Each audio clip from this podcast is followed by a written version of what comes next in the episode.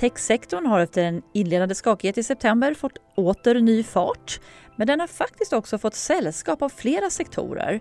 Särskilt de cykliska, men faktiskt också småbolag. Det här är Investera och agera, en podcast från Carnegie Private Banking. Hej och välkommen! Det är torsdag den 15 oktober och klockan är 10.00. Ni lyssnar på mig, Helena Haraldsson. Jag är makro och omvärldsanalytiker på Carnegie Private Banking. Vilken dag! Vi har precis fått veta att vi blivit utsedda till nummer ett inom Private Banking för femte året i rad i Kantar Sifo Prosperas årliga kundundersökning. Så idag är vi lite extra stolta och väldigt glada för detta och vi hoppas att även du som kund är glad och nöjd med nyheten. Idag har jag tänkt prata lite om marknadsläget men också dela med mig av två högaktuella investeringsteman från vår strategirapport. Låt oss börja med marknadsläget. Börsen verkar ha ett positivt tolkningsföreträde om än med lite slagig utveckling. Eh, momentum och farten är särskilt stark i USA men ser också spännande ut i Europa. Techsektorn har efter en inledande skakighet i september fått åter ny fart. Men den har faktiskt också fått sällskap av flera sektorer. Särskilt de cykliska men faktiskt också småbolag.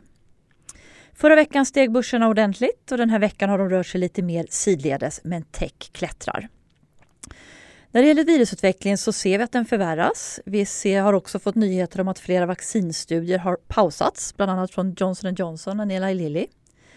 Vi har heller inte fått några klara stimulansbesked i USA. Samtalen pågår men det verkar svårt att få till något innan valet. Även om Trump pressar på och både finansminister Mnuchin och talman Pelosi fortfarande har regelbundna samtal. Men stödet från centralbankerna med ökad likviditet är fortsatt urstarkt för börsen. Det är också så att den ekonomiska återhämtningen än så länge är intakt. Och I veckan fick vi faktiskt lite spännande data som visar att till och med Kinas import visar styrka. Och småbolag i USA de har faktiskt ganska omfattande anställningsplaner. Så några ljuspunkter.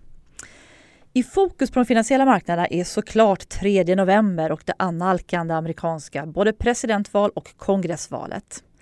Börsen har nu lyfts av signaler om en tydlig valseger för Biden och Demokraterna.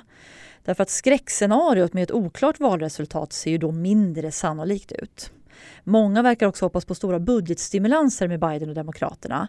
Men vi ställer oss frågan, är det så enkelt? Risken för techreglering, risken för högre bolagsskatt och höjda kapitalskatter verkar nästan som bortblåst.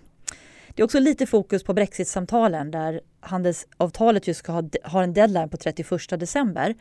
Men även här från tid till annan lite ljusare signaler om att det finns en vilja att undvika en hård brexit och få till ett avtal. Men mest spännande det är ju att rapportsäsongen som precis nu börjar.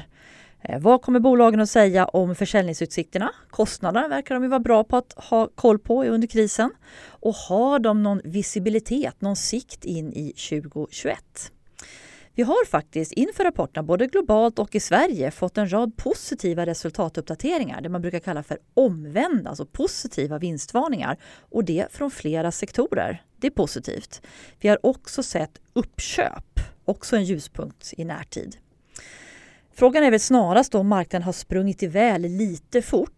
Den intensivaste rapportveckan i, i svenska rapportfloden det är faktiskt nästa vecka, 19 till 23 oktober. Så håll ögonen öppna på intressanta händelser då.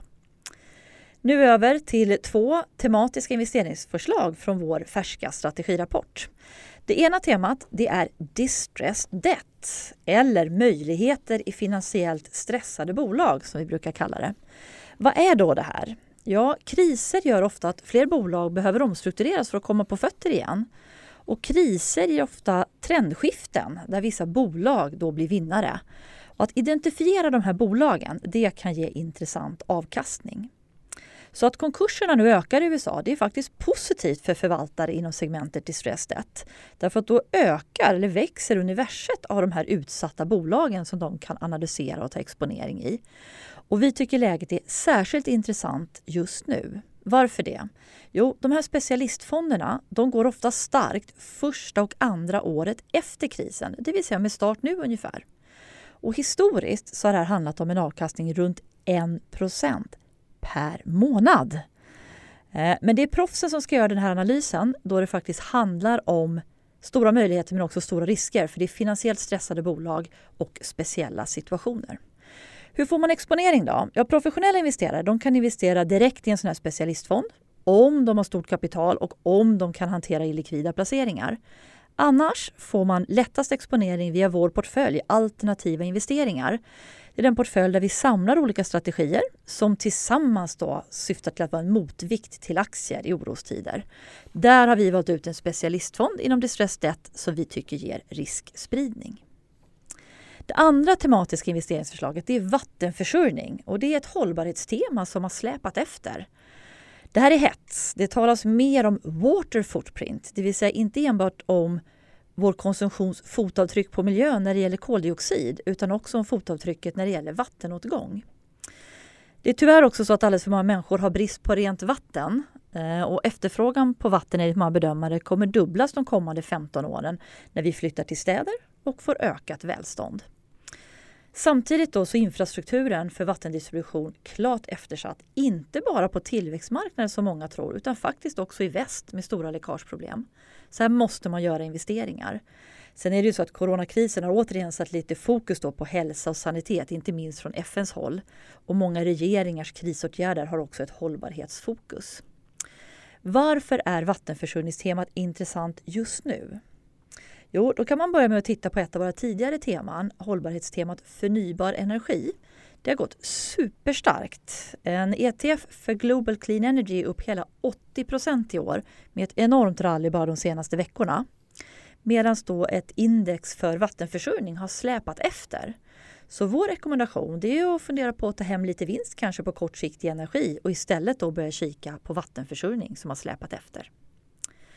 Vad är en lämplig exponering då? Ja, vi tycker vi är en aktiv global fond för då får man ett ganska koncentrerat innehav mot temat men ändå med en defensiv prägel.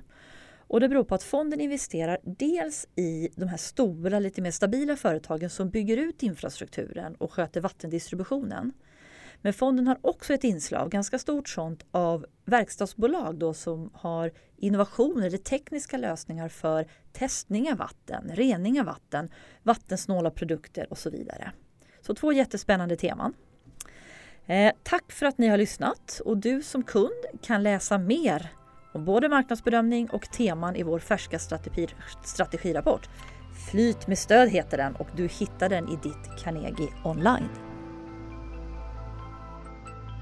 Är du intresserad av topprankad aktieanalys och unika investeringsmöjligheter? Gå då in på carnegie.se privatebanking och lär dig mer om vad du får som private banking-kund hos oss.